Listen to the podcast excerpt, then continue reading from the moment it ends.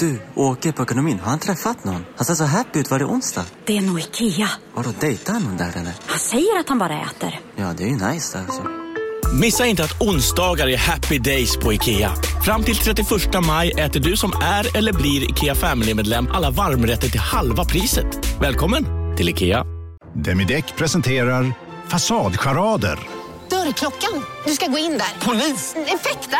Nej, tennis tror jag. Pingvin. Alltså jag fattar inte att ni inte ser. Va?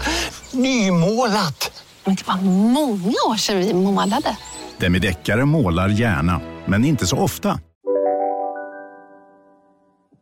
Hej och välkomna till ett nytt avsnitt av podcasten Billgren Wood med mig Elsa Billgren. Och med mig Sofia Wood. Och det här är vår trend och spaningspodcast där vi Mm. diskuterar sociala medier, fenomen, strukturer, saker vi ser i våra flöden och sånt som vi brinner lite extra för.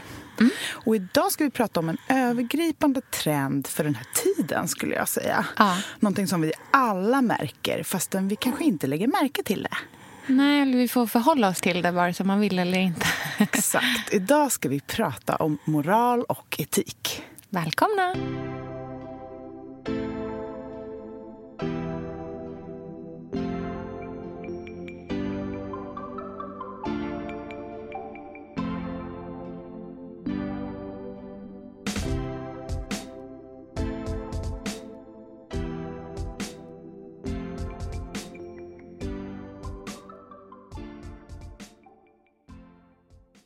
Vi har inte setts på ett tag. Jag känner att jag måste höra innan vi liksom djupdyker in i det här ganska intrikata ämnet. Jag att jag måste höra. Du har varit i Köpenhamn. Ja, jag har varit bortrest. Alltså, Ja. min, jag, är, jag vet knappt vad jag heter, vad det är för vecka. Alltså, det är också så här, hur cool var man förr? Ja. Jag klarar knappt av att vända på veckan en vecka utan att typ tappa det helt. Men jag har verkligen tappat det. Ja. Förra veckan började ju jag veckan med att åka till Köpenhamn. Ja. Och det var ju en jobbresa. Ja. Men det var ju en mycket härlig jobbresa. Det var mycket härliga intryck. Mycket- Jobb inom oerhört mycket stora viktiga situationer. chablisglas som skulle Ja. intas under lunchen. Nej, men det var en jobbresa tillsammans med eh, Johanna Bradford som är bloggare på LDK. Mm, som har varit gäst här i podden. Precis. Och eh, Lisa Roberts som är vår liksom, gemensamma kompis. Och jag fick faktiskt höra hur de blev kompisar, för det undrade jag. För att det var bara helt, en dag såg jag bara liksom min barndomsvän på Johanna Bradfords typ Insta i Paris. Och då hade hon gjort det härliga, som jag kan så här, känna igen mig i. Det hade jag också gjort. Liksom pratat med Lisa på artilleriet när hon jobbade där. Och så har de bara klickat. Ja. Och nu är de kompisar. Det vad är ju det bästa. Det var ju så jag sökte jobb också för. Ja. Man bara, var är jag oftast? Vem De ska man prata med. Ja. Så jag gillar när man liksom hittar varandra genom gemensamma intressen. Mm. Och sen även Mia som har Kitchen and Beyond. Som gör superfina shakerkök. Ja. Eh, Det har ju vi haft som tema i bloggen, så det är väl, eller i podden. Så det är ju trendigt som som det. Ja, men verkligen. Men, och vi bodde på The Apartment Mm. i Köpenhamn som är liksom den trendigaste. Alltså vi borde ju ha typ ett eget avsnitt om det här. Det känns som att man skulle kunna liksom döpa om ganska många av våra avsnitt. Och bara, det här temat, fast det vi egentligen pratar om är The Apartment. Ja, men The Apartment är ju grunden till väldigt många inredningstrender som finns idag. Det är Ja. liksom den modiga, färgstarka, eh, klä om din gamla Josef Frank liksom, fåtölj Mm. med brokigt, blommigt, knäppt tyg Mm. och eh, ställ fram knäppa artefakter från Asien och några leksaker så Mm. är du hemma. Och häng för guds skull upp alla lapptäcken du hittar på väggarna. Ja. Tina som har The Apartment är ju oerhört liksom, trendkänslig skulle jag säga. Ja, Hon så verkligen liksom, så här, fingret på pulsen och Mm. samtidigt eh, driver sin egna liksom, bana. Det är där som man liksom kan känna eh, skillnaden mellan de som verkligen liksom lyckas inom det här eller liksom, som hela tiden är ett steg bakom. Är att, jag tror att hon, hennes inspiration är nog liksom inte någon annan inredningsbutik Nej. eller ett annat hotell. Eller, det är någonting helt annat. Och Sen så liksom kanaliserar hon ner all sin inspiration i den outleten. Liksom. Det känns Men- som att hon gillar färg och form och att hon älskar textilier och Ja. mönster och att det är där det bottnar någonstans. Ja, Och jag tror också vi gillar det väldigt mycket för det är, även om vi tycker att det här är det mest danska som hänt, så var det ju knappt några danska möbler längre. Nej, det var nej. typ bara eh, Svenskt Tenn-möbler. Ja, ja, väldigt och mycket Svenskt Tenn. lite liksom syd, sydamerikanska, alltså väldigt Mm. liksom etniska eh, vibbar ihop med det här otroligt eh, tjusiga. Mm. Liksom. Men framförallt med färg och mönstermixen i fokus. Ja, precis. Och de här, liksom, jag tänker, på det är väldigt mycket så här italienskt Murano-glas och, och den typen av... Alltså, ja, men Mm. Väldigt så här, avancerade. Alltså det, var, det var så brokigt så att jag tappade fattningen direkt. Och det var också så här världens sneaste lägenhet. Mm. Det var alltså två decimeter skillnad på tapetmåttpassningen. Ja. För det är ett gammalt 1700-talshus Mm. precis vid en flod. Så att allting bara lutar. Det var verkligen så här Gamla stan deluxe. Mm. Så första dagen vi bara gick runt där försökte vi bara, ah, var är vi? Det är upp och ner. Och det var liksom helt snett och vint. Jag skrattade så gott när du bara skrev till mig på Messenger och bara, jag har utökat min Hemnet-sökning till Gamla stan också. Jag bara. Men jag trivdes i känslan av liksom det här att man är i en gammal, gammal tid men inredningen är liksom någonting. Ja. Alltså hade de som bodde där i början på 1700-talet när det byggdes liksom sett den här inredningen hade de bara what the hell. Ja. Fast å andra sidan man var ju mer färgglad för också. Det Ja. är bara vi som är uppvuxna i en så här vit, beige era. Verkligen. Och tror att färgerna var lika liksom solblekta när de gjordes som de är idag. Alltså alla originalfärger. Allting var ju oerhört mycket färgstarkare. Det är ju bara liksom husfasaderna i Stockholm som går i samma mjuka pasteller idag. De var ju liksom färgglada från början när de målades. Och på tal om färg, jag såg att du målade skåpet i helgen. Mm. Ja. Ja, vad fint det blev. Ja, tack. Det blev jättefint. Alltså, en helt annan var- känsla. Ja, det var så roligt. Vi pratade om det eh, för typ två avsnitt sen, tror jag. det, så kanske det var. Ehm, om att vi har haft ett eh, gammalt eh, skåp i ett, eh, liksom ett linneskåp med en spegelfront i vårt sovrum som är jättefint. Liksom ljust eh, blågrått med fina så här, inskurna detaljer. Men väldigt enkelt, Mm. men jättevackert. Och att jag var så sugen på, efter liksom ha suttit och så här, knarkat bilder från Charleston Farmhouse. Det finns bilder på vår Instagram, Billion Wood. där ni kan Exakt. se. Eh, borde lägga upp ditt skåp nu också. Ja, jag får det lägga upp en bild när det är klart. Eh, för det blev ju inte, det var ju inte så att jag målade det likadant. Men, det i var inte samma, riktigt samma sorts skåp heller. Nej, och, men lite liksom mer i så här, och mina färger är helt annorlunda också. Det är här, mer i andan av Mm. Liksom, om typ målarversionen av snickarglädje. Mm. det var så roligt. Det var verkligen så himla kul. Jag bara kände så här, gud vad härligt det är att få liksom bara helt eh, okomplicerat eh, kladda loss lite grann. Ah, Jag har kommit på att pappa ska få måla, när vi hittar en lägenhet, då ska pappa få måla i Lynns rum. Ja, gud vad härligt. Hur fint? För jag tänker fint. Mm. om vi har panel eller någonting. Hur fint vore det inte på en vägg med liksom ett litet skogslandskap med lite av hans djur och sånt. Men underbart ju. Ja.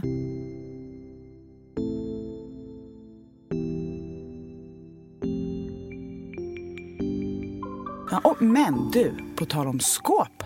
Eh, Ja, vem har gud. köpt ett nytt skåp? eh, jo, jag. ja, berätta. Nej, men alltså, jag har sko- köpt skåpets skåp. Mm.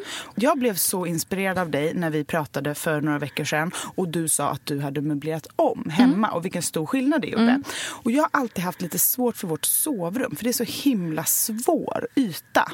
Det är nämligen väldigt avlångt Mm. Mm. och i ena änden är det balkongdörrar så där kan du inte ställa någonting. Och i andra änden är det liksom massa garderober och en linneskåpsavdelning och badrum. Så att det enda sättet att ställa sängen det är liksom bara mitt på. Mm. Hugga av rummet. Och det har gjort att det här stora avlånga rummet har känts ganska litet. Ja. Man har liksom klivit in i sängen direkt fastän det är jättemycket utrymme. Mm, på sidorna Ja, liksom. och det linneskåpet vi har haft våra liksom kläder i eh, hittills har varit ett som jag hade i min etta vita. Ett så här nätt liksom gustaviansk stil, gulligt vitt skåp. Och det fick vi plats där mellan balkongdörren och... På kortsidan. Ja men precis. Och det, för jag var så här, äh, man vill liksom göra rummet mer fyrkantigt.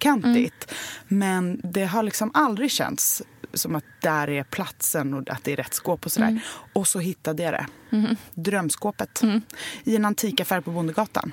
Men det var inte min hjärna som sa åt mig att köpa det. Nej. Det var min gut feeling. Ja. Det var Då är det nämligen så att jag fotade det Ja. Med mig själv i bilden. Ja. Var, jag var så här, jag bara måste fota det här skåpet. Alltså, min hjärna tänkte inte som man brukar. Så här, Åh, fint skåp! Mm. Skulle det här vara något för mig? Alltså, jag tänkte inte den banan. Utan var så här, skåp. Alltså jag bara drogs till skåpet. Tog en bild, la till och med upp det på Instagram. Och det Ja. gör man inte om man har tänkt köpa ett skåp Nej. och inte har gjort det än. Nej. Alltså, då är man ju galen. Ja, exakt. Jag vet någon inte ens att hon följer mig. Bara en liten så här blå plupp, du vet. Så här, Ja. bara, om inte du köper, köper jag. Och sen typ hundra sådana eh, kommentarer. Jag bara, ah, ring upp Ja. Antika-fan fort. Köp skåpet. Så att jag köpte det på lite... Ja, du och jag liksom, började hetsa där innan också för Pontus var inte riktigt lika övertalad. Nej, Jag- nej gud, ja. Jag bara, jag kan ha det i uh, ateljén så länge. Jag kan uh, magasinera det. Ja.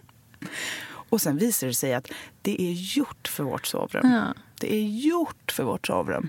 För nu när man kommer in i sovrummet så möts man liksom av en dressing area. Alltså hur härligt? Härligt. Ja. Där min gamla eh, bambufåtölj står med en ny kudde från Köpenhamn. Och man liksom ser rakt in i speglingarna på skåpet. Och det gör att det ser ut som att det är typ hundra rum i fil. Just det. Och man kommer också liksom framförallt inte in direkt i vår säng. Nej.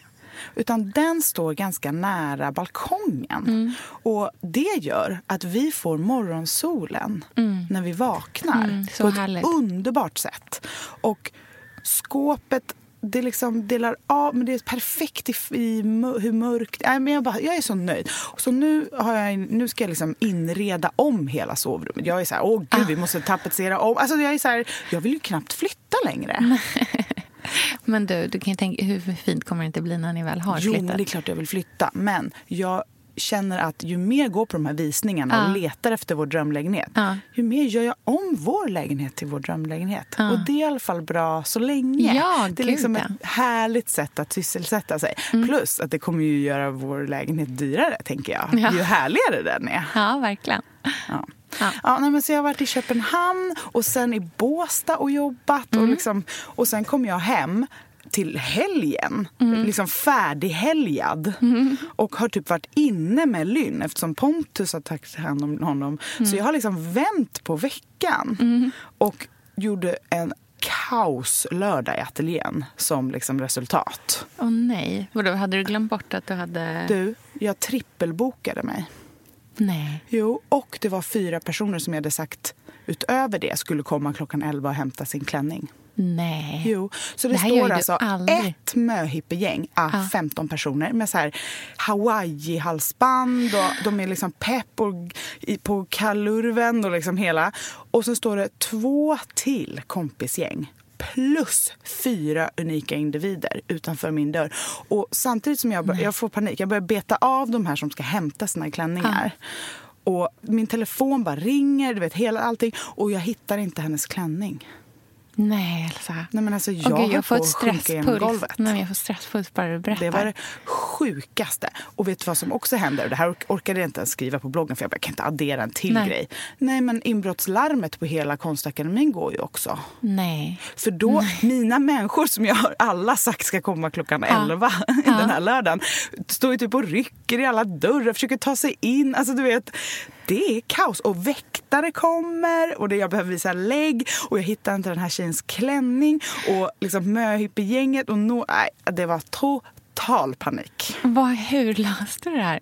Jag löste det faktiskt ganska bra. Du gjorde det? Möhippegänget fick köra för att Ja. de var ju ändå liksom Ja, pepp. De ja, var fulla det var en överraskning. De var, fullast Ja. helt enkelt.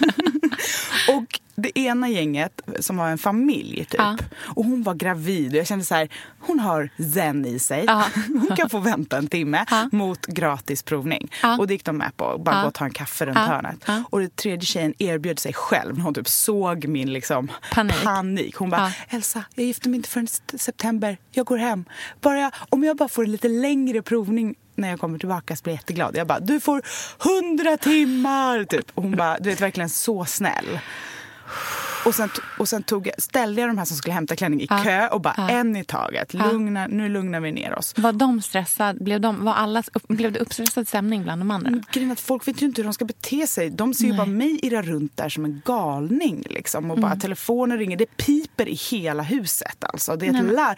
Du vet, man blir inte lugnare av att det samtidigt bara så här, pip, pip, i ett stort konsthus där det är bara jag. För att det här är stängt innan det har öppnat. Nej men Elsa. Ja, men då, då händer det, det första. Jag hittar hennes klänning såklart. Den hängde ju där. Det var Ja. bara att när man är i det här läget, det är inte Ja. som att man liksom... Stressläget liksom. det är inte som när att man, ser hittar någonting. Nej, Nej. nej. Så jag hittade den och sen de andra klänningarna, så en i taget. Och så möhippie-gänget och sen det andra gänget. Och sen mejlade jag hon som ska komma tillbaka. Ja. Och då var det liksom klart. Ja. Så jag bara, åh. Nej men alltså. Så då kände jag så Det här. är så olikt dig också. Du ja, men det är så olikt mig. Jag har ju ordning på allting, jag på säga. Men, ja, men du är ju väldigt uppstyrd med men jag där. Liksom. hatar att göra folk besvikna på Ja, mig. men jag vet Tror det. du att det här var mitt liksom värsta läge? KBT. Ja, det KBT alltså. Men du vet, jag bara, alla är bara människor. Jag är bara människa. De är bara människor. Vi är alla människor. Så jag Carpe försökte. diem. Carpe diem. Välj glädje. Välj glädje. Välj glädje. Välj glädje. Ja, men det löste sig i alla fall. Jag gick hem och liksom klappade på mitt skåp. Så eh, det var min vecka. Hur har du haft det? Ja, gud. Jag har haft det sjukaste, men jag kan inte berätta det ännu. Jag kommer, jag, jag, jag kommer berätta det här i. Jag lovar att jag kommer berätta det här i podden. Men gud. Mm. Men jag kan inte göra det nu. Mm. Men jag, kan, jag kommer berätta för dig sen. Men Kommer det här- du kommer säga det här i ja, podden så det kommer, snart? Ja, ganska snart. Men herregud. det är sjuka. Ja. Jag bara, du är gravid igen. Eh, nej. Gud. Det var ändå min Så första frukt- tanke. Ja, nej, men det skulle vara typiskt Andreas och mig att bara... Eh, eh, men nej. Nej, det är inte det. Och inte gravid. Åh, Okej. fy fan vad hemskt det vore. Nej.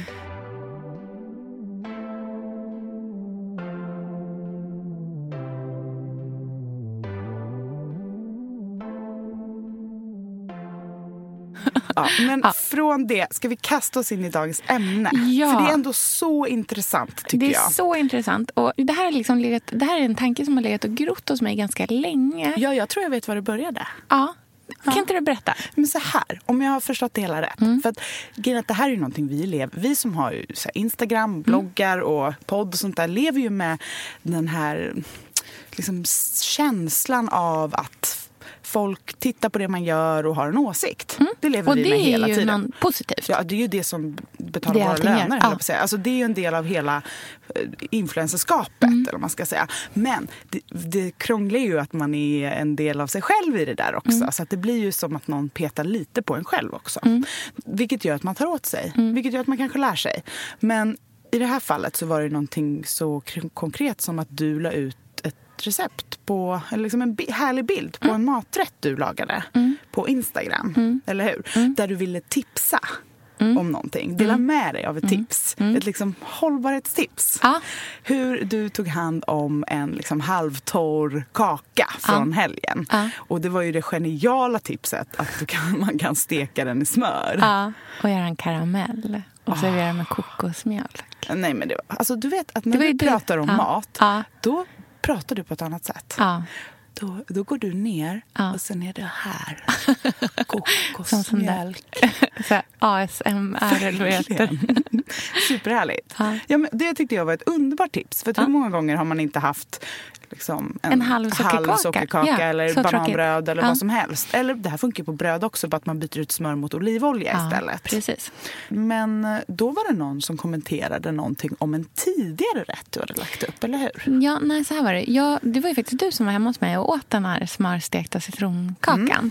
Och jag la upp bild på den och var så här pepp och tips och bara vad härligt. Så här, Mm. Nu ska jag tipsa om använda rester. För Mm. att det är faktiskt en sån sak som jag själv eh, brottas mycket med och har ganska mycket dåligt samvete över att vi slänger en del mat hemma. Mm. Och att det känns så himla, det känns så onödigt tycker jag verkligen. Mm. Eh, både absolut ur en miljösynpunkt, att det känns konstigt att man liksom försöker köpa ekologiskt eh, så mycket som det går. Eller, ja, men överhuvudtaget. Och sen också faktiskt ur en ekonomisk aspekt också. Att så här, slänga mat, det är Nej, jättekonstigt. men hela liksom. ens gut feeling säger åt en att det är dåligt. Ja, verkligen. Och ändå så, så gör man det en del. För, framförallt jag som lagar väldigt mycket mat. Liksom. Det blir hela tiden väldigt mycket rester.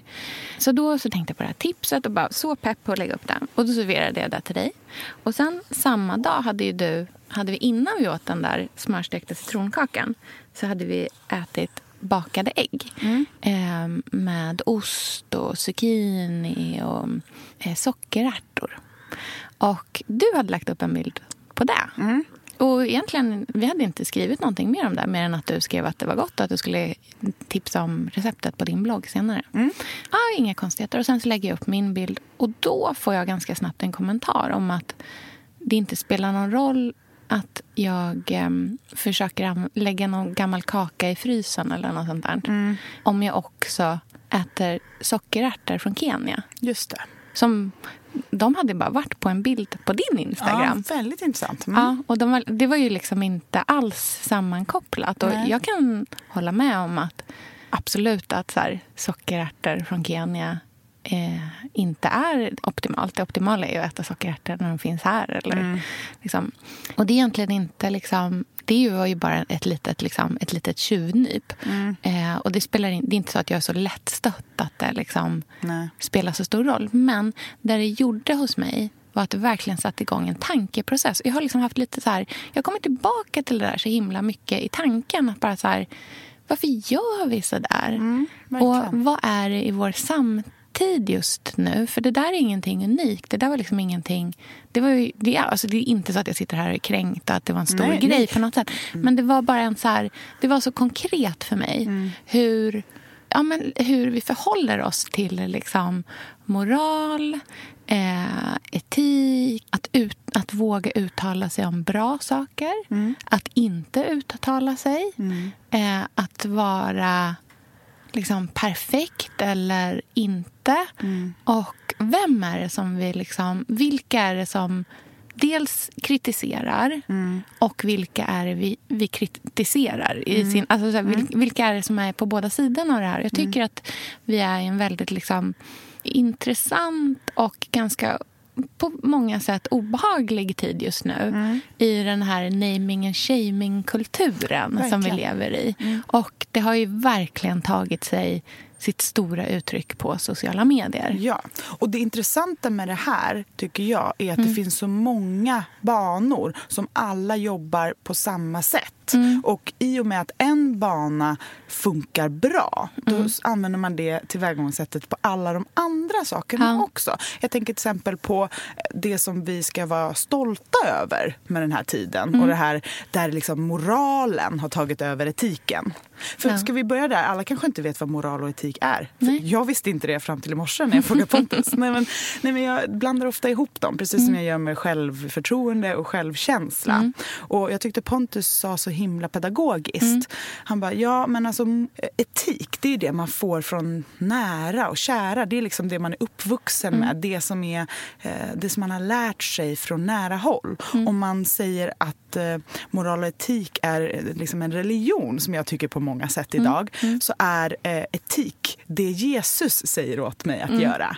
Men moral, det är vad kristendomen säger Mm. åt mig att göra. Och det är liksom den här armén av åsikter Mm. och mått som vi har bestämt funkar och som man säger med plakat. Mm. Och det är ju där vi är väldigt mycket idag.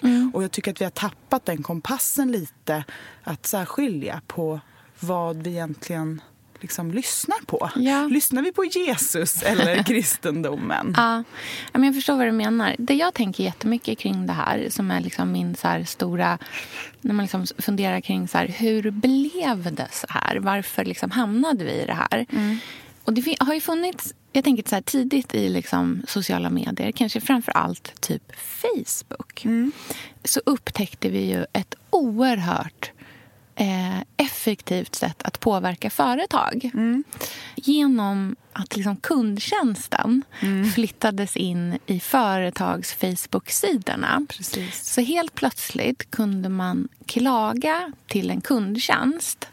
Men istället för att göra det i ett samtal med en kundtjänstanställd så kunde man göra det och samtidigt ha speakerphone till de 28 000 andra personerna som också följde den här företagssidan.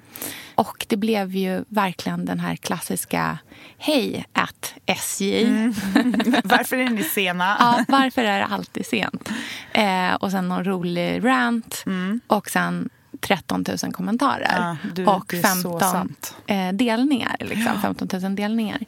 Och där, det är ju oerhört effektivt. Mm. Och jag tror att vi har liksom faktiskt ändrat hur företag eh, ser på sin liksom, eh, kommunikation till missnöjda kunder. Mm. Att liksom, vikten av den har på väldigt kort tid eh, blivit liksom, mycket, mycket tyngre. Ja, jag tänker på bara så här när H&M gör konstiga tröjtryck Ja. och sånt. Och, alltså att det, det kan liksom påverka deras aktie. Ja. Det, vi har en helt annan makt idag. Och jag tänker också bara som en liten inflik att det började i samma veva med den här kundtjänsten på Facebook. Så tycker jag mig se, alltså det handlar ju väldigt mycket om pengar ofta. Det är ju pengar som styr allting. Alla liksom krönikor och sånt på typ Aftonbladet etc.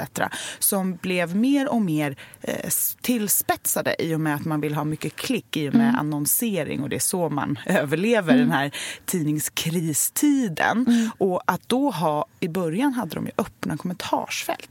Och det minns jag, att det som var liksom det stora känsloutbrottet på sociala medier var delningar av liksom, krönikor, artiklar, kolumner, eh, hetska kommentarsfält. Att vi liksom förflyttade Flashback till andra mer öppna, liksom, mer legit sajter.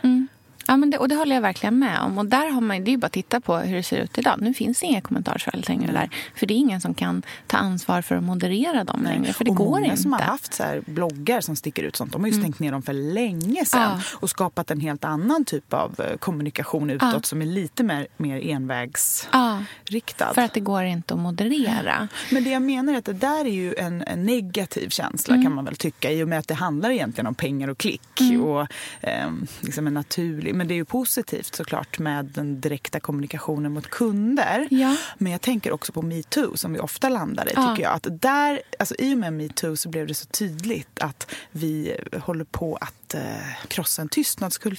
Elsa, vi är ju sponsrade av Bosch. Älskar. Älskar att vi båda nu har varsin serie 6 köksmaskin. Det har varit hembakt morgonbröd hela veckan. Det är det lyxigaste jag kan tänka mig. Är inte det en god barndom, så säg. Ja, alltså, om det här inte är idyllen. Men grejen är så här. Jag vill ju ha alla de här sakerna. Jag vill ha nybakt, hembakt bröd på morgonen. Ja. Men just nu i mitt liv så är det mycket som får stryka på foten. För att jag har inte tid. Men med den här otroliga maskinen så hinner jag baka bröd. Den sköter liksom allting själv. Jag behöver inte ens knåda. Jag sätter på den och den gör knådrörelserna åt mig. Alltså, serie 6 har ju sju stycken sensordrivna automatiska program. Ja, När jag hör den hör meningen, det. ja, då känner jag så här, jag kan inte misslyckas. Nej! Den, alltså, degen blir perfekt. Mm. Det är som att jag har lagt ner jättemycket tid och energi på det här brödet när det jag har gjort är att hälla saker i en skål och trycka på en knapp. Underbart. Mm. Nej, men man bakar ju som ett proffs och jag tycker om att baka enkla grejer och de Ja. blir ännu enklare med Bosch serie 6. Alltså, jag har ju haft Bosch i mitt liv ganska länge Mm. och speciellt på landet. Så för mig är det förknippat med att det blir gott, det är mysigt Mm. och det är tryggt för det blir riktigt bra varje gång. Man väger ju också sakerna direkt i skålen, så det blir Mm. inte tusen olika saker som måste diskas och som är krångligt. Det är verkligen sänka ribban. Men Bosch har ju tänkt ut vad vi skulle kunna misslyckas Ja. med och eliminerat de faktorerna så att det blir bra varje gång. Och Man kan ju också prova hemma i 100 dagar Mm, med fri returrätt. Och Ja. Så att Bosch vill ju verkligen att vi ska vara nöjda med produkten. Det är väldigt bra att man kan få testa på hemma man kan vara verkligen. extra säker på att det funkar. Mm. In och läs mer om Bosch köksmaskin serie 6 och köp den hos Power. Mm, tack Bosch. Tack. Sofia, vi har ju den stora äran Mm. att jobba tillsammans med Krav. Mm. Det är Det- så fantastiskt att de sponsrar den här podden tycker jag. Mm, det, jag är så stolt över det. Jag är också väldigt, väldigt stolt. Mm. Kravmärkt mat, det är ju mat som produceras utan naturfrämmande bekämpningsmedel och som Mm. bidrar till en biologisk mångfald. Mm. Och jag väljer ju Krav när jag handlar för att jag vet att det blir bra i varje led. Ja. Från jord Mm. till bord. Mm. Det blir godare och det blir bättre för alla inblandade. Ja. Nu är det ju tiden för vårprimörerna. Mm. Nu börjar de allra första komma. Mm. Och när man köper kravmärkta vårprimörer, Mm. då är det som att man får smaka på våren så som den ska smaka på riktigt. Ah. Den första kravmärkta svenska sparrisen, Ah. det är en högtidsstund. Det är det. Och sparris som är kravmärkt, man ser det på primören. Den är grönare, den är knotigare, Mm. den har karaktär. Mm. Den är så god att Mm. äta rå. Mm. Det behövs inte mycket mer än Nej. lite smör och flingsalt. Och så har man en förrätt. Vet du vad jag gjorde faktiskt på kravmärkt svensk sparris? Eh, blancherade i kanske 30 sekunder. Mm. La sen rakt ner i ett isbad. Mm. Skivade jätte, jättetunna skivor. På med kravmärkt olivolja, Mm. flingsalt och ett kravmärkt pocherat ägg. Och tänkte verkligen, Ja, allting på den här tallriken Mm. är kravmärkt. Mm. Allting smakar otroligt. Så himla gott. Verkligen. Mm. Det finns så himla mycket gott som jag är sugen på. Och jag tänker verkligen att vi alla ska ställa krav i korgen jag när vi att det var handlar. så bra Mm. eh, sägning. För det är precis så som man ska tänka. Ställ krav i korgen. Tack snälla krav. Tack Krav.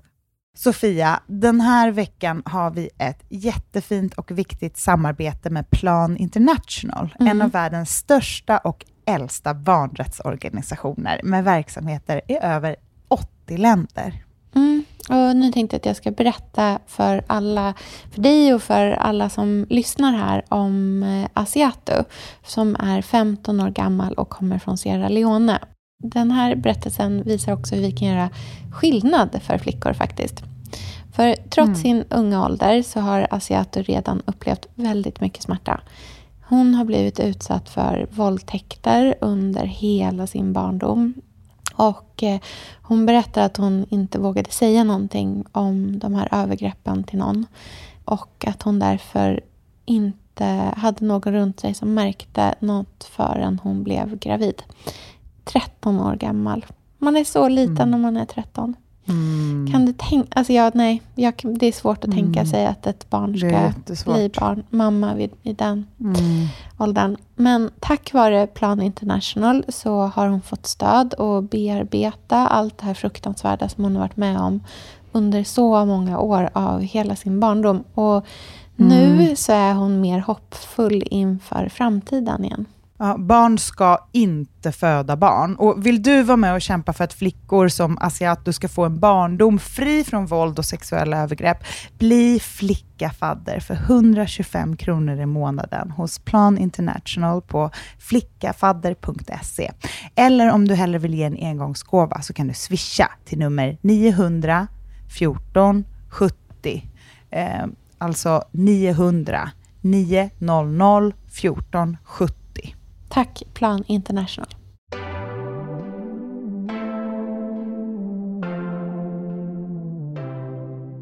Tur som vi levt med länge. Mm. Eh, framförallt inom liksom kändisar och Mm. offentliga personer har på ett helt annat sätt vågat lyfta på karriärlocket, liksom Mm. riskera saker Mm. eh, och bli spokesperson för olika... Och att vi också har gjort eh, aktivisten till en mer eh, ofarlig mänsklig människa. Mm. Det är liksom ingen eh, eh, AFA-stenkastare som är aktivist. precis. Utan det är någon som har koll på sina åsikter Mm. och sin kunskap. Och det värdesätter ju vi idag. Ja, verkligen.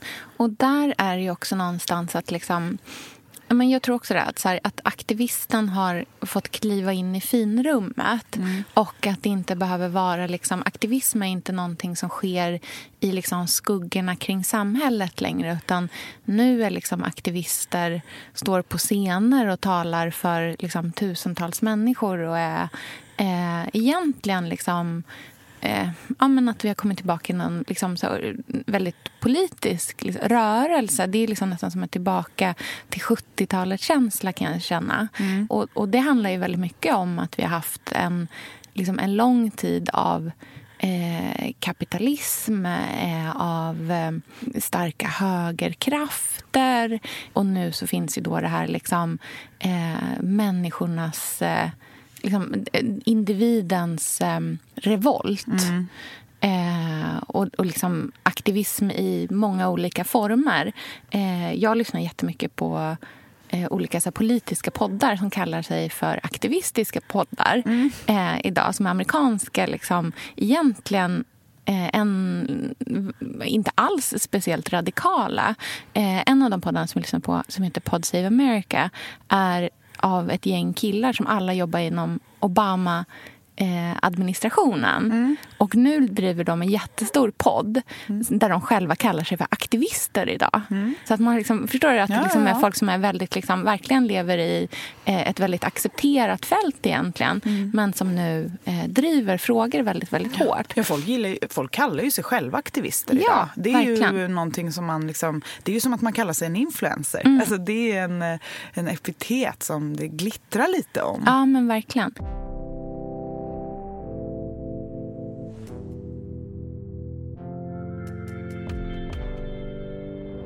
Men det som jag tycker är liksom lite problematiskt i allt det här också det är ju att det, jag- upplever att det finns en väldigt stor liksom, diskrepans mellan vad vi kräver av andra eh, och vad vi själva lever upp till som eh, individer.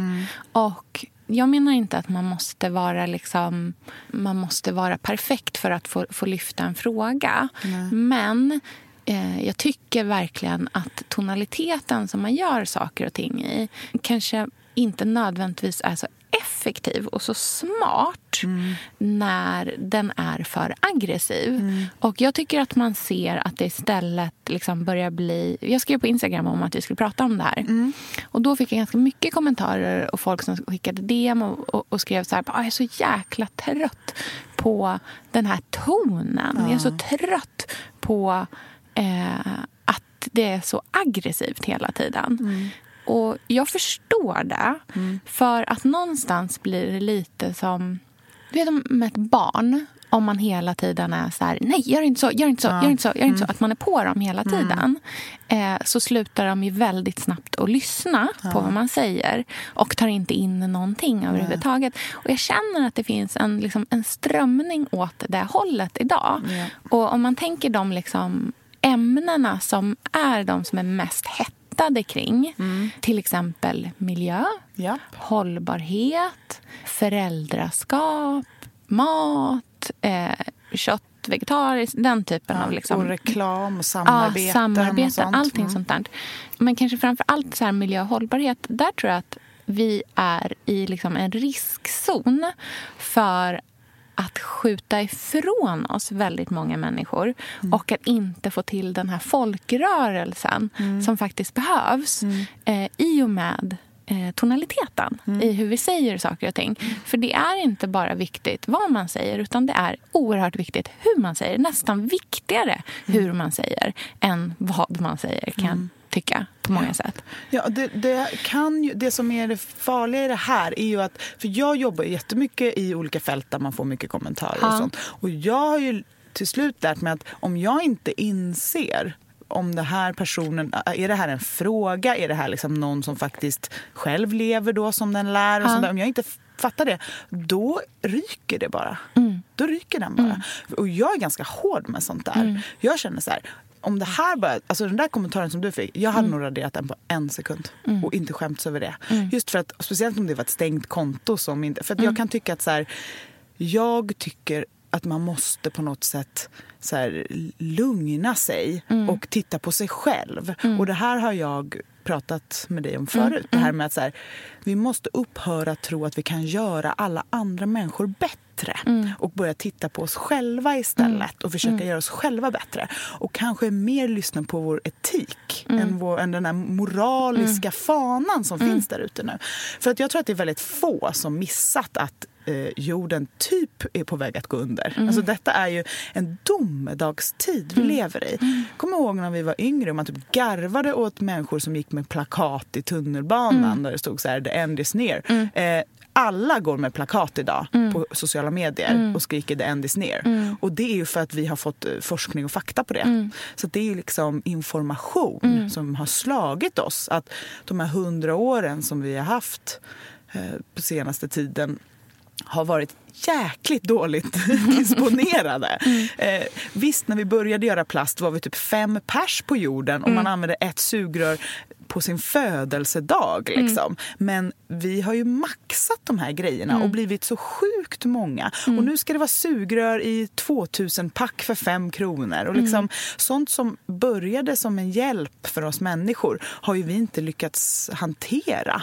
Så att, att då kanske visa själv sitt goda föredöme är underbart. Men det gör ju också att man hamnar i riskzonen för pekpinnar. Ja. För att idag tillåts man ju bara vara bra om man är det hela tiden. Mm, precis. Och det finns också en annan sida av det här som jag tror har hänger väldigt mycket ihop med vår så här, svenska kultur.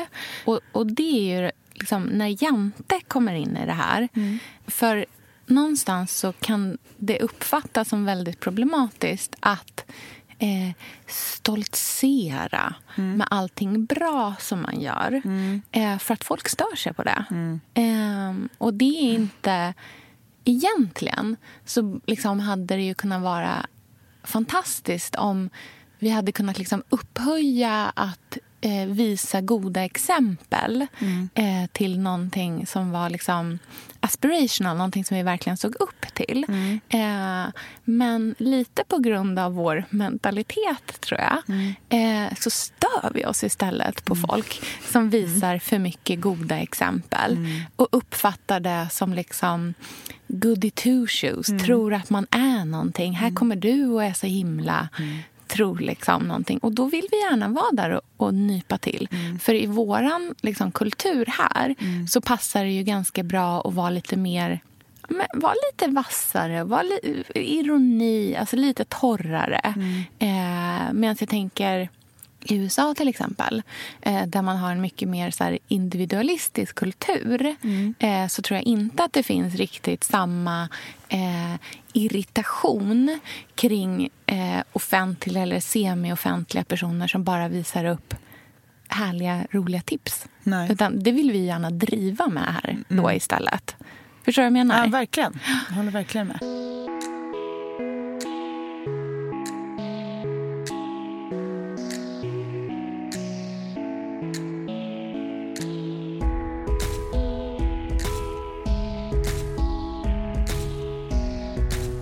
Men samtidigt kan jag också tycka att vi, precis som vi är allergiska mot goody two tycker jag att vi också verkar bli mer och mer allergiska mot folk som så här, skiter i att följa strömmen. Ja, verkligen. Eh, För att det är ju väldigt tydligt nu hur man ska bete sig Mm. och vad man ska göra och inte. Det, har liksom, det finns jättetydliga regler. Man visar inte upp kött, man Mm. Nej. Mm. flyger inte. Man visar upp när man åker tåg. Man alltså, gör alla de här Ja. sakerna, men man får inte vara förnöjd med det. Nej. men jag Nej. menar bara att de som kanske så här, inte vill köpa hela, alltså så här, som känner så här, jag vet inte om jag håller med. Eller Mm. liksom, jag vill inte det. Det irriterar ju sig folk på på ett sätt som att de inte vet vad de ska ta vägen. Mm. Och då kan man ju bemöta det på två sätt. Som så jag tänker på Lövengrip. Hon, Mm. är ju, hon har ju gjort det till sitt jobb att provocera kring de här frågorna. Hon är så här, ah, another day in New York. So Mm. fun! Tomorrow, Bali. Alltså du vet att det är så här, det är ju ett sätt att så här, driva mot eh, normen, liksom, Ja. mot strömningarna. Medan andra blir så att, att man liksom håller i de här gamla traditionerna. Det var fint att visa inspirationsbilder från Paris. Jag älskar Paris, nu ska jag visa det. Alltså, Och det blir också Kan så här... inte hålla mig. Nej, men liksom, och, Man måste plåta flygplansvingen. Ja, typ. Men jag har känt att så här, av, jag har försökt, liksom, jag har ju byggt min internetkarriär på att vara ganska flexibel. Ja. Jag är så här Schweiz på Ja. internet. Nej men jag är det. Jag är mittemellan. Få Ja. människor stör sig på mig. Även i ett störigt klimat. Liksom. För att jag har alltid liksom jag har inte så vänt kappan efter vinden, för jag har mina grundpelare. Mm. Det är liksom, jag börjar inte gå på loppis för att det är bra för miljön, utan jag gör det för att jag har alltid gjort det. Ja. Liksom.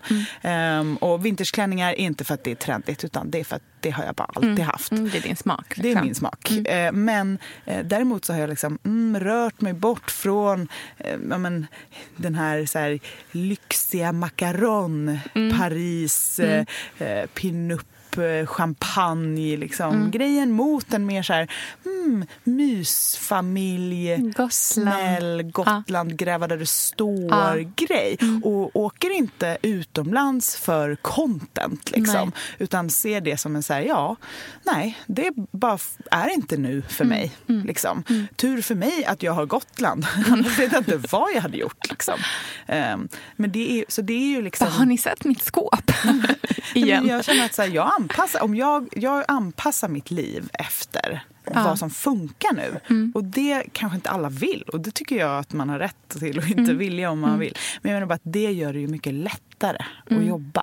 om man liksom Mm. följer med lite. Men det är ju sorgligt på ett sätt för då, det blir ju också delvis en charad. Lite ja, grann. men för det är det jag tänker också att man så måste fundera kring i, i det här är lite så här, leder eh, vårt klimat till långvarig liksom, förändring eller leder det till att vissa saker börjar göras i skymundan, i smyg. Att, alltså, jag tycker att liksom, jag skulle inte bli förvånad om så här, nästa år, nytt ord i ordboken, är smygflyg. Nej, men flygskam. Ja, jo, jo. Ja, och det är, mm. Men alltså också Ja, så här, smygflyg. Ja, Mm. precis. Att Absolut. flyga till ställen men att bara vara så här, nej, men det här, får nog, det här måste jag göra i Men hemlighet. det där är en sån typisk grej där man särskiljer etik från moral. Ja. För att jag kommer, alltså så här, jag flyger ju extremt sällan Mm. av moraliska skäl. Just för att jag vet att jag kan inte det i min Mm. roll. Liksom, jag kan inte, jag kan inte, det, det funkar inte helt Mm. enkelt. Men etiskt så kommer inte jag från ett ställe där flyg har ansetts vara något s- problematiskt. Nej. Alltså mina föräldrar har liksom köpt groddar på hälsokostaffären sen jag var Jag är Mm. uppvuxen på mosade bönor. Min mamma är liksom råhippie. Det har varit ekologiskt in i märgen. Eh, färgat håret med henna. Hon är så Mm. riktig. Hon röstade på VPK när det fanns. Alltså verkligen varit så här grunden. Men och, det är inte som att hon flyger för glamour och sådär. Men jag menar bara att men min pappa har ett hus i Thailand liksom ett hus som han äger och åker till när han har lust med. Så det är var jag kommer ifrån. Och den förvirringen det gör liksom att så här, etiskt vet jag att min, liksom, där jag kommer ifrån, vi har aldrig pratat om flyg som någonting eh, liksom, större problematisk faktor. Men det är något jag har lärt mig moraliskt att det är. Om man ska säga. Ja, och allting kan man ju inte heller ha från, från, liksom, från, från grunden. Utan Nej. det handlar ju hela tiden på samma sätt som att man förstår att man behöver vara i tiden med vilken typ av liksom, eh, vilka typer av teman man har på sin blogg eh, så får man också lära sig med tiden att nej, det funkar inte att flyga på det sättet som vi gör eller eh, att man behöver bete sig på andra sätt. Liksom. Men det är ju också så att eller jag upplever i alla fall att det här är någonting som är väldigt mycket eh, så här, kvinna till kvinna. Eh, och att vi gärna...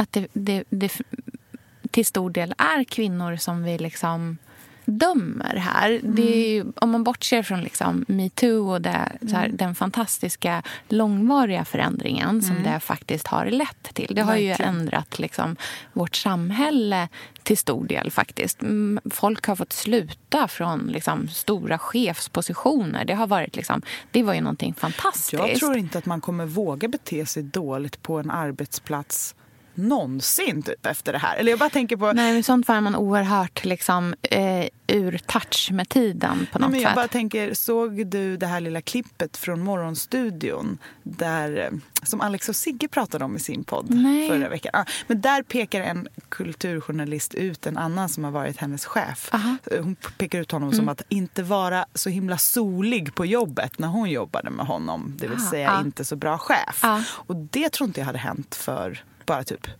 två år sedan. Nej. Att man, liksom, folk inser att det är en styrka Mm. att eh, säga att folk har behandlat en dåligt. Alltså Mm. vi sparkar uppåt nu. Vi gör verkligen det. Och är man där uppe då ska man liksom Ja, titta på avkrävas- sig själv Ja, och men se så här, kan jag stå för vad jag gör? Liksom? Kan Ja. jag stå för hur- jag jobbar? Ja, men och avkrävas människor? det ansvar som man bör avkrävas ifrån. Och det är positivt. Mm. Men igen så finns det så här, varför är det framför allt kvinnor som åker på en släng av sleven med Mm. det här? Varför, varför kan inte kvinnor så här skämta på ett rått sätt utan att det ska liksom vara problematiskt?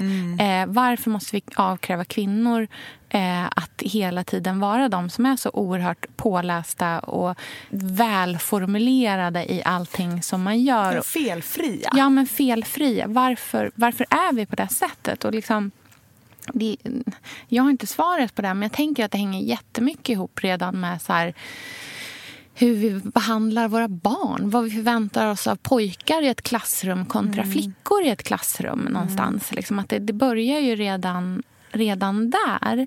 Eh, att flickor liksom förväntas vara eh, tysta och räcka upp handen.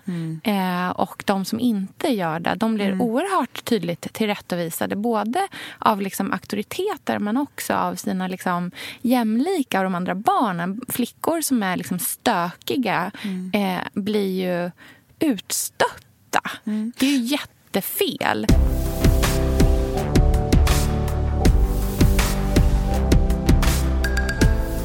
Jag tycker det är så intressant. Jag undrar om det är att jag känner en väldigt snäv skara människor. Men jag pratar väldigt ofta om det här med folk. Och då är vi nästan alla på samma sida. Alltså Det är väldigt sällan jag träffar någon som är den som känner att den måste påpeka. Jag har en kompis som sagt att hon lämnat en syrlig kommentar på en känd influencers Instagram. Där hon liksom, och jag bara var så fascinerad. Jag bara, berätta mer! Hur gick det till? Och jag tror att hon kände att hon liksom inte kunde hålla sig. Att det var som en gut feeling. Och upp, jag tror att det var, verkligen var liksom att hon verkligen ville göra den här människan bättre. Och det är den här ursprungskänslan.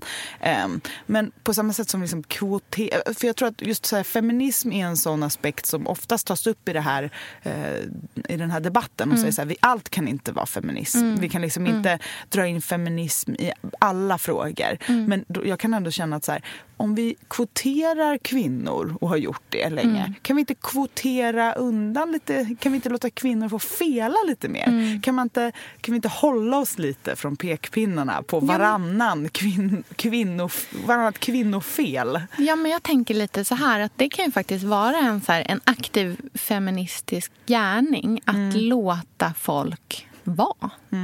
Att inte tillrättavisa. På samma sätt som att man liksom i sitt föräldraskap kan ha vara liksom aktivt feministisk genom att inte säga till sin dotter att hon ska vara lite tystare. Eh, utan låta henne låta lika mycket som pojkarna. Eh, eller för den delen... Alltså jag tycker liksom inte att här, lösningen är inte att börja behandla pojkarna som vi har behandlat flickorna. Eh, utan lösningen är snarare att liksom lö, låsa upp alla de här liksom, eh, restriktionerna som vi har och låta det vara mycket mer flytande. Eh, och där tänker jag att men där har du verkligen rätt i att så här, då får väl det vara en, så här, en aktiv handling man kan göra.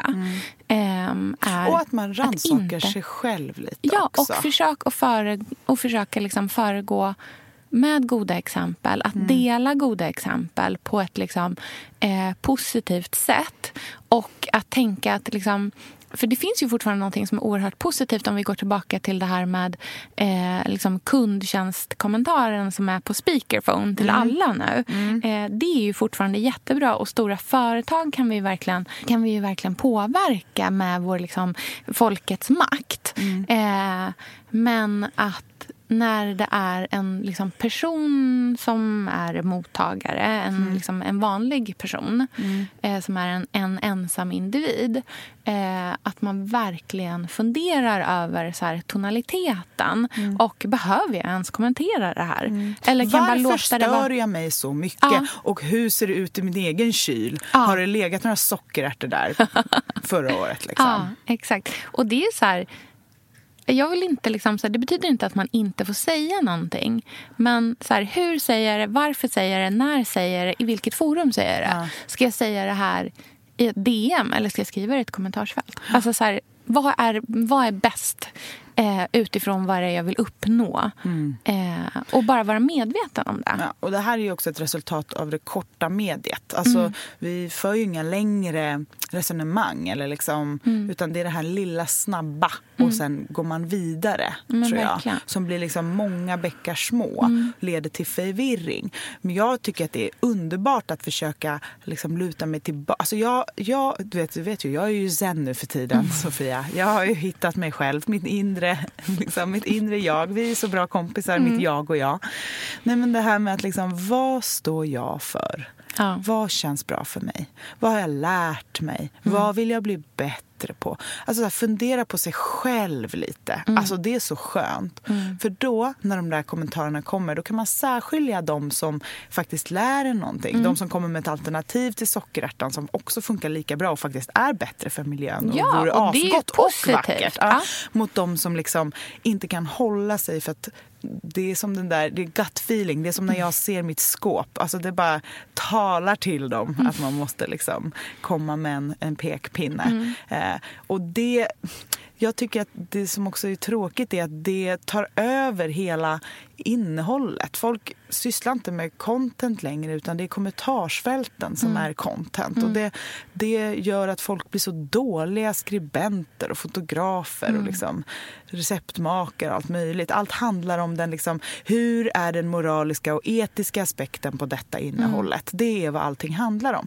Konst blir så jävla kass då kan jag tycka. Och vi måste ju föra en, det är ju liksom, the end is near. Vi måste förändra våra liv. Men att, att lyckas ha det vid sidan av ett liksom, kulturellt rikt liv tycker jag vore det optimala. Mm. Kunna göra de två sakerna parallellt. Att inte man behöver liksom blanda in det moraliska i allting vi gör. Nej. Jag tänker också att, så här, att leva ett liv eh, där sociala medier blir mindre viktigt för en eh, tror jag kommer vara en oerhört liksom, så här, effektiv väg framåt.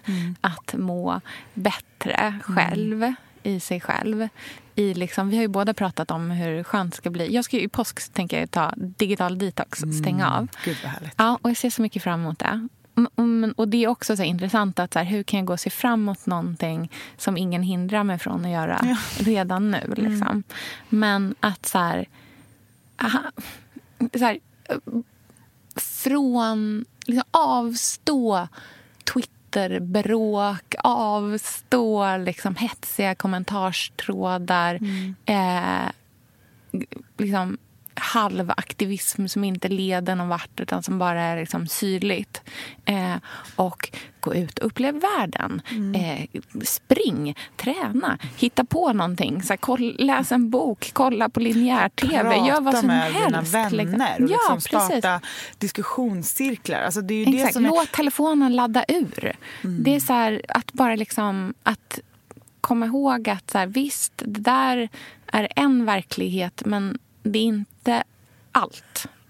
Eh, och det är så oerhört ehm, lätt att låta det flyta in i liksom hela ens liv och påverka en psykiskt. Eh, och det är ingen som mår bra av det i slutändan. Det är, ett, liksom, det är som att leta snabba kickar. Det blir framförallt väldigt ensamt. Och Ja. nu är vi ju äntligen många som har fattat någonting för Mm. första gången på liksom generationers Mm. tid. Så då kan vi ju göra liksom faktiska förändringar. Och jag förstår att man liksom är emotionellt laddad till de här olika frågorna. Mm. Men om vi försöker hitta något så här, alla vill åt samma håll, eh, vissa är bara väldigt provocerande på internet, Mm. så kommer vi kunna eh, gå framåt bättre tror jag. Mm. Men Sofia, nu måste vi runda av för jag är så nyfiken på den här hemligheten. Och Selma vaknade precis. Exakt, så that's our cue. Ja. Men vi hörs nästa vecka. Det gör vi. Tack så hemskt mycket för eh, idag. Ja, vi ses på vårt Instagramkonto Billgren Wood. Mm. Hej då! Hej då!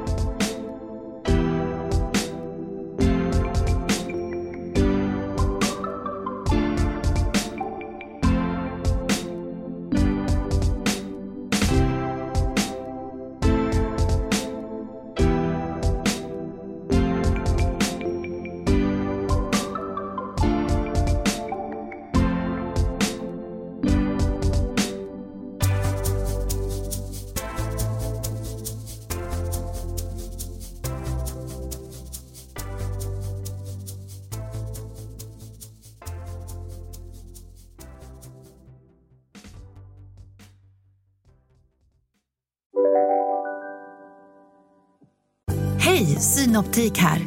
Visste du att solens UV-strålar kan vara skadliga och åldra dina ögon i förtid?